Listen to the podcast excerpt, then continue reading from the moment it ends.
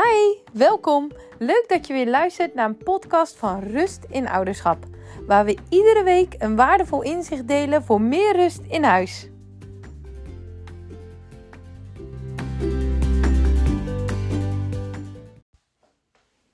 Welkom bij deze nieuwe podcast. Mijn naam is Corine en in deze podcast ga ik je erin meenemen hoe het komt dat we als ouders steeds weer in diezelfde valkuil stappen. Je kent het wel. Je hebt het supergoeie voornemen om morgen echt rustig te blijven als je kinderen niet gelijk luisteren. Je neemt het je echt voor en je bent overtuigd dat het je gaat lukken. En het lukt je ook. Drie keer. En daarna verval je toch weer in dreigen, schreeuwen of een preek geven. En dan denk je: nee, ik doe het toch weer. Hoe kan dat toch steeds? Om hier antwoord op te geven, ga ik je uitleggen hoe we in elkaar zitten als mens. En ook hoe jouw kind in elkaar zit. Ik begin bij jou als volwassene. Want als je beter begrijpt waarom jij dingen doet zoals je doet, dan ga je het bij je kind ook beter begrijpen. Beeld je eens even in. Een mannetje met een groter hoofd en een kleiner lichaam. Zie je het voor je? Een groter hoofd omdat we natuurlijk helemaal aangestuurd worden door onze hersenen. Alles wat we doen op een dag. Of we honger hebben of dorst hebben, ons gedrag, emoties, motoriek, alles wat we doen wordt aangestuurd vanuit onze hersenen. En onze mind, onze psyche, bestaat grofweg uit twee delen: onze bewuste gedachten en ons onderbewustzijn. En ons onderbewustzijn moet je eigenlijk zien als een archiefkast met boeken erin. Wat er in die archiefkast zit, dus in het onderbewustzijn, zijn eigenlijk allemaal neurologische verbindingen. Dus nu ik dit aan het vertellen ben en jij bent aan het luisteren, schieten er continu neuronen af in onze hersenen. En die verbinden met elkaar. En die verbinden met elkaar tot een link. En misschien vertel ik ook wel iets wat jou triggert, hè? of wat een bepaalde emotie triggert. En dat kan eigenlijk heel de dag door gebeuren. Kijk maar eens in je eigen leven. Er zijn vast momenten op een dag dat jouw kind iets doet wat bij jou triggert. Ik geef eens een voorbeeldje van mezelf, waardoor je dan misschien ook zelf hè, tot een eigen voorbeeld komt. Ik ben zelf een moeder van een jongen van vijf en een meisje van twee jaar. En je kent het wel. Ochtends, we moeten naar school, we moeten naar het werk en er moet nog van alles gebeuren. Kinderen uit bed, aankleden, eten, broodtrommels klaarmaken, tassen klaarzetten. Oh ja, en ook nog even die gymtas meenemen. En dan moet mijn jongste precies ook nog even een schone luier. Altijd tijd tekort. En waar ik dan niet goed tegen kan, is als mijn kinderen gaan treuzelen. Dus heel rustig gaan eten. Of toch nog even spelen, terwijl die jas aan moet. Of de sokken gaan door de lucht in plaats van aan de voeten.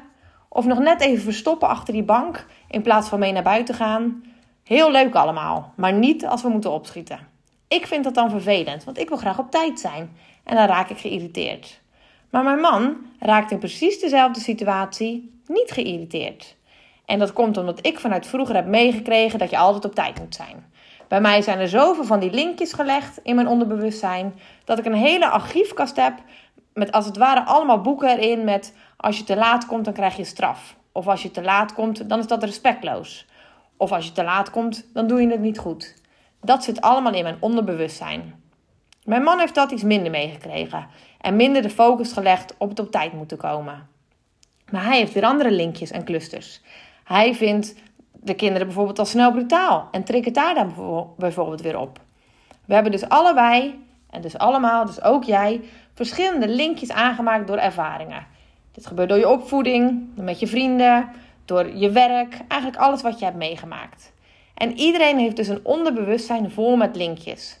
En daarom triggeren we allemaal op iets anders. En alle linkjes van een bepaald thema, in mijn geval bijvoorbeeld even het treuzelen, die gaan met elkaar verbinden tot neurologische netwerken. En die neurologische netwerken maken archiefkasten op dat thema. En hierdoor komt het dat je op bepaalde thema's getriggerd wordt. Dus bij mij op het moment dat mijn kinderen gaan treuzelen, ik voel dan een bepaalde emotie. Ik raak geïrriteerd, gestrest, want ik vind het niet kunnen als we te laat komen.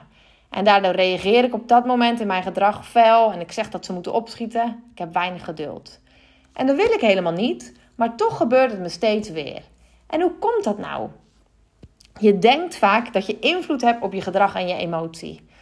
Maar in werkelijkheid is dat maar een heel klein gedeelte. 7% om en nabij, dat wordt aangestuurd door je bewuste gedachten.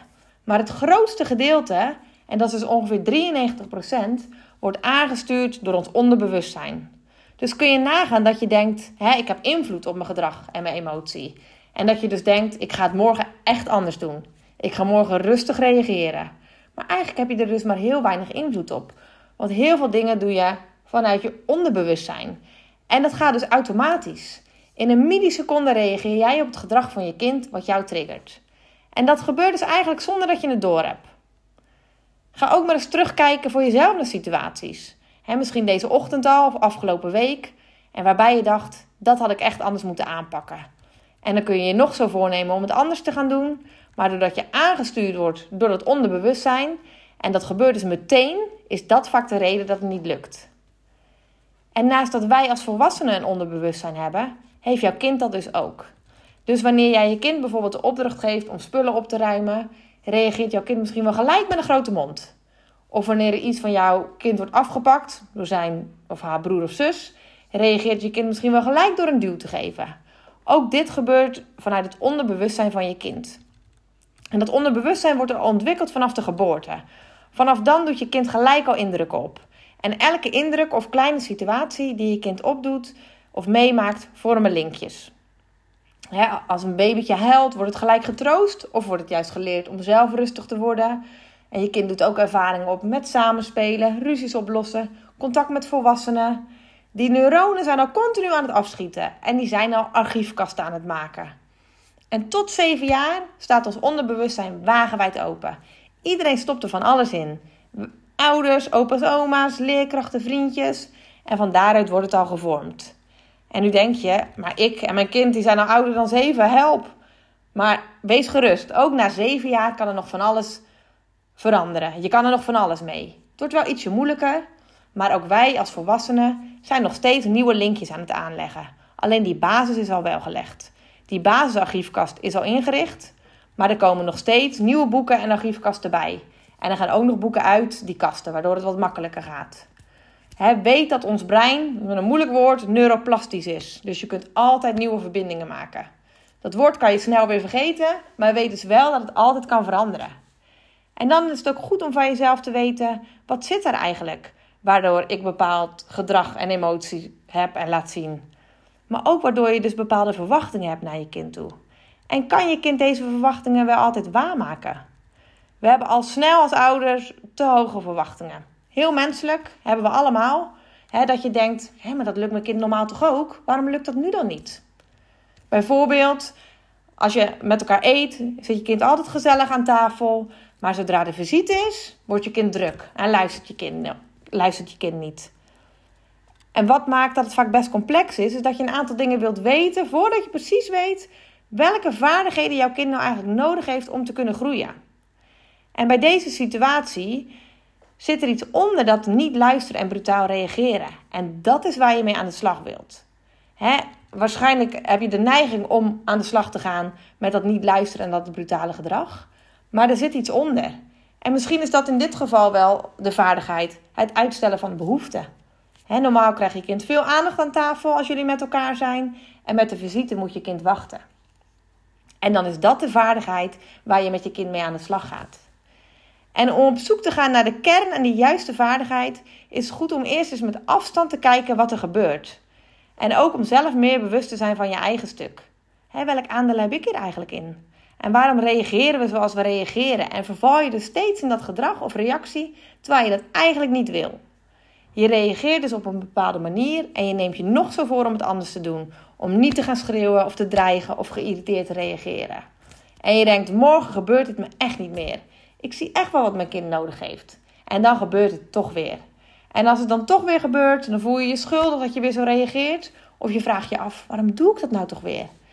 Het overkomt je dus, omdat je reageert vanuit triggers, vanuit je onderbewustzijn. En het goede nieuws is, er zijn altijd stappen te maken. En daarvoor is het goed om bewust te zijn van wat er bij jezelf gebeurt en wat er bij je kind gebeurt. Daarmee is het niet gelijk opgelost, maar wel goed om te beseffen dat dit een grote invloed heeft. En dat is de eerste stap tot verandering. In de volgende podcast krijg je een volgend inzicht over nog een valkuil waar we allemaal als ouder intrappen en die je graag wilt overwinnen voor meer rust in huis. Dan wil ik je nog bedanken voor het luisteren en tot de volgende keer.